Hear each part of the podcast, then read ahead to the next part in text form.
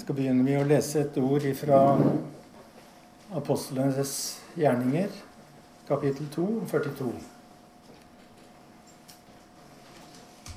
Det står om de første kristne at de holdt seg trofast til apostlenes undervisning og fellesskapet og til brødsbrytelsen og bønnene. Apostelgjerningene 242. Jeg er sikker på at dere har hørt det verset her mange ganger før. Når vi gikk på bibelskolen for veldig mange år siden, så ble det verset her kalt for de fire b-ene. Det var Bibelen, bønnene, brødspridelsen og brorskapet. Vi kan si at det er fire søyler som livet med Jesus i stor grad hviler på. Eller vi kan også si at det er fire dører. Fire dører inn til å kjenne Jesus og kraften av hans oppstandelse. For evangeliet er en Guds kraft til frelse for hver den som tror. Og apostelen Paulus sier for da vårt evangelium kom til dere, skjedde det ikke bare med ord, men også med kraft, og ved Den hellige ånd og med full overbevisning. Og den kraft som evangeliet bringer, det er en kraft som har potensialet til å sette fri. Og som har potensialet til å bringe tilgivelse og nåde. Som kanskje kan være litt vanskelig å forstå, men som vi blir oppfordra til å ta imot. Vi leste her om apostlenes undervisning og fellesskapet og brødsbrytelsen og bønnene. Det er fire veier som fører meg nærmere Jesus. Eller for å bruke en annen metafor er en firestrengers akkord som synger om Jesus. Det spesielle med apostlenes undervisning fellesskapet, brødsbrytelsen og bønnene, sånn som det framst, fram, framstår i Bibelen. Det spesielle med dette, det er at det blåser en vind gjennom disse dørene. Og det brenner en ild i disse ordene. For det høres en røst i apostlenes undervisning og i fellesskapet og i brødsbrytelsen og i bønnene. Kanskje hører vi det bare som en hvisken, men det er en stemme der, en røst, som sier 'Dette er min sønn, den utvalgte. Hør ham'. Vi snakker om apostlenes undervisning, fellesskapet, brødsbrytelsen og bønnene. Å gå inn i disse rommene kan resultere i et møte som får verden til å utvide seg. Og som kan føre til et oppgjør med tidligere vaner og forestillinger. Og når vi går inn gjennom disse dørene, så kan det med andre ord bli et sted hvor vi ser, og hvor vi hører. Når vi går inn med et åpent hjerte, så kan det bli en åpenbaring. For sammen så er disse fire b-ene en kilde. En kilde hvor den store og vidunderlige fortellingen om Jesus hviler. En kilde hvor du på dypet finner Guds uendelige kjærlighet og solidaritet med alle mennesker. Der, på dypet i denne kilden, der finnes den kjærlighet som ser med ømhet på de skyldige, og ser med ømhet på de svake og de sønderknusende, sønderknuste og de som strever, og som bringer nåde til den som ikke får det til. Og på dypet av denne kilden der møtes vi hver og en av oss med den samme respekt som om det var Kristus selv. Og jeg er redd for at vi i det kristne miljøet bare ser glimt av denne Guds kjærlighet iblant oss. Men den finnes. Jeg har sett den. Og det er bare å håpe at det glimt som kommer til syne i Guds menighet, er nok til å lokke mennesker til selv å søke fullheten av denne kjærligheten i Gud.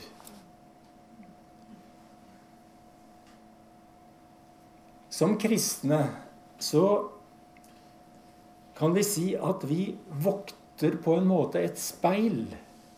Vi vokter og forvalter et bilde av Guds kjærlighet. Et bilde som viser oss Guds, at Guds ansikt er nåde. Og rundt oss her i verden så er det en mengde andre speil som vi ikke kan unngå, oss, unngå å speile oss i, men som det er speil som truer, og som fordømmer, og som splitter. Men det, så, det speil som viser oss Guds ansikt, det viser oss ubetinga nåde. Og det viser oss ikke først og fremst om det viser oss ikke først og fremst hvordan vi skal elske. Men det viser oss først og fremst at vi er elsket. Det er jo der det må begynne, og det er der det må hvile. Og som en kristen kirke så har vi ansvar for å skape en kultur. Vi har ansvar for å skape en måte å tenke på en måte å se på og behandle mennesker på. Vi har ansvar for å skape en kultur som formidler nåde og gir håp. Og vi har ansvar for å vise eller å vokte det speilet som viser en kjærlighet som strekker seg ut også til de mennesker som går en helt annen vei enn det vi står for. Og som lever på en annen måte enn det vi gjør. Det betyr ikke at vi er likegyldige for hva som er rett og galt. Det betyr bare at Guds kjærlighet beveger seg på et helt annet plan. For den, altså Guds kjærlighet, ser hvert menneske som en person som Jesus har gitt en dråpe av sitt blod for. Og når Jesus omga seg med tollere og prostituerte uten å moralisere over deres liv, så var ikke det samtidig en godkjennelse av deres handlinger. Men det det var, det var gjennom en Det var en uforbeholden kjærlighet til dem som andre foraktet. En kjærlighet som vis, viste oss hvordan ett menneske i Guds øyne er mer verd enn hele verden. Når vi snakker om kultur Og vi holder jo til her i et kulturhus, så det er veldig relevant for oss. Kultur handler jo opprinnelig om å dyrke noe, ikke sant?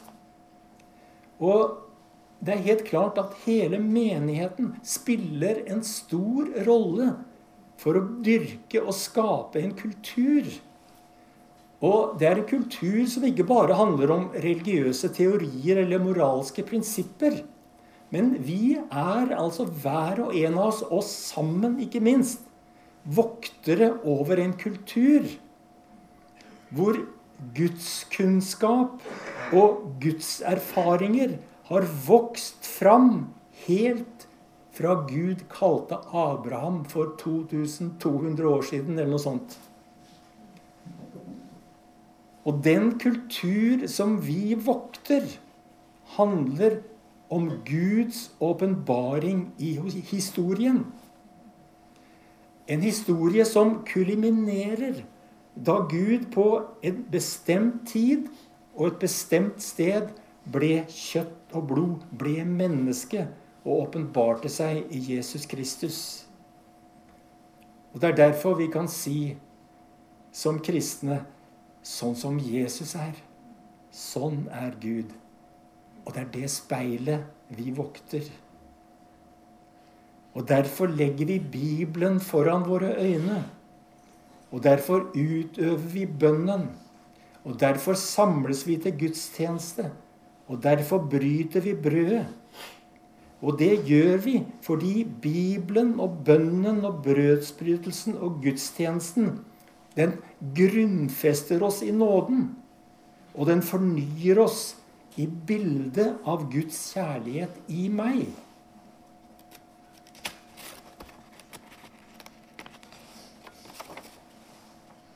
Bibelen og bønnen og brødsbrytelsen og gudstjenesten, den er med på å pusse støvet av speilet. Av det speilet som vi er satt til å vokte. Og jeg vokter dette speilet fordi det viser meg om og om igjen at jeg er uforbeholdent elsket av Gud. Jeg er elsket av Gud i mine svakheter og med mine svakheter. Og det hjelper meg til selv å se på andre mennesker gjennom det samme speilet. Og når vi da leser velsignelsen Herren velsigne deg. Herren la sitt ansikt lyse over deg og gi deg nåde. Herren løfte sitt ansikt mot deg og gi deg fred. Når vi leser denne velsignelsen, så er det ikke bare for oss selv, men det er verden rundt oss vi velsigner. Det er byen vi bor i, vi velsigner. Det er naboene våre vi velsigner. Og når vi leser Guds ord og ber og synger lovsanger og deler nattverden i fellesskapet, så gjør vi dette som voktere av den himmelske herlighetens speil. Og vi gjør det for troen på at Guds rike har kommet nær. Og i håpet om at livet fortsetter i himmelen etter at det er avslutta her på jorda. Som voktere av Guds kjærlighet for alle mennesker, så må vi på den ene siden altså slippe dette lyset inn. Slippe lyset inn over alle sidene i vårt eget liv.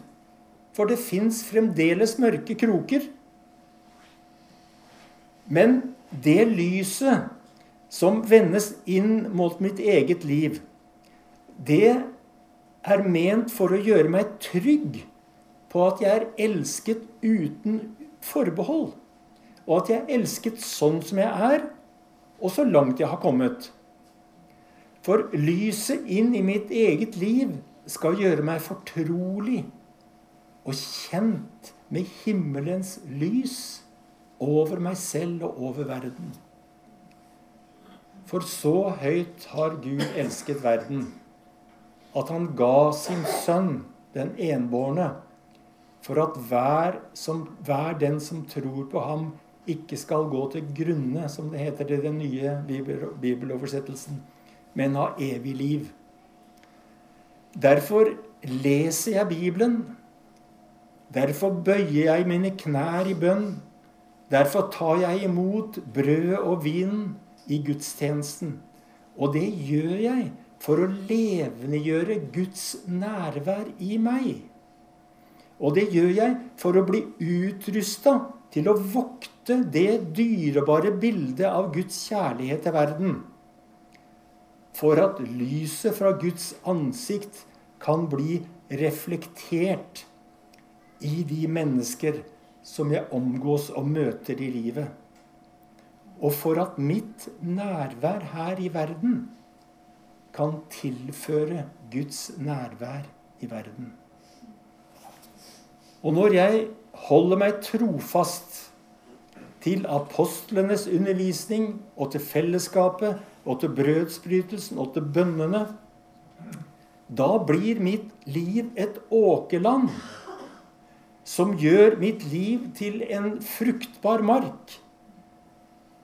En fruktbar mark som lover en høst for Guds rike. Og det er bare Gud som gir vekst.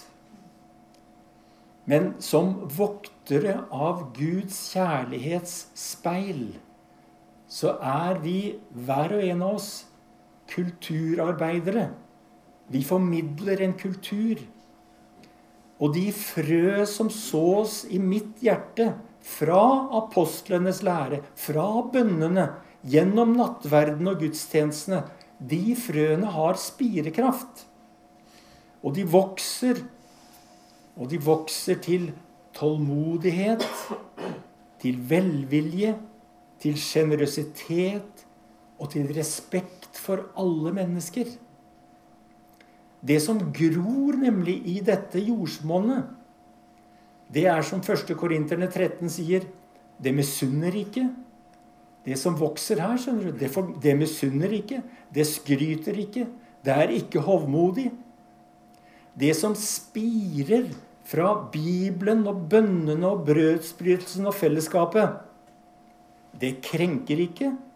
Det søker ikke sitt eget. Det er ikke oppfarende. Det gjemmer ikke på det onde. Det gleder seg ikke over urett, men har sin glede i sannheten. Altså det som fødes fra Bibelen, bønnene, brødsbrytelsen og fellesskapet. Det utholder alt. Det tror alt. Det håper alt. Det tåler alt. Og som voktere av Guds kjærlighetsspeil, så vokter vi noe som er evig. For Bibelen sier kjærligheten, og det er jo det vi vokter. Kjærligheten tar aldri slutt. Profetgavene skal bli borte. Tungene skal tie, og kunnskapen får gå. Og litt senere Nå ser vi i et speil, i en gåte. Da skal vi se ansikt til ansikt. Nå forstår jeg stykkevis. Da skal jeg erkjenne fullt ut, slik Gud kjenner meg fullt ut. Så blir de stående, disse tre. Tro, håp og kjærlighet. Men størst blant dem er kjærligheten. Og derfor ber vi Gud Sett oss i stand til å ta imot det du ser som vi behøver i dag. Og vi ber Hellige Ånd, lær oss og minn oss om alt det som Jesus har sagt og gjort. Og vi ber, Herre, rekk oss livets ord, som gjør Guds kjærlighet virkelig for oss og som gjør Guds kjærlighet virkelig for oss, i oss og gjennom oss.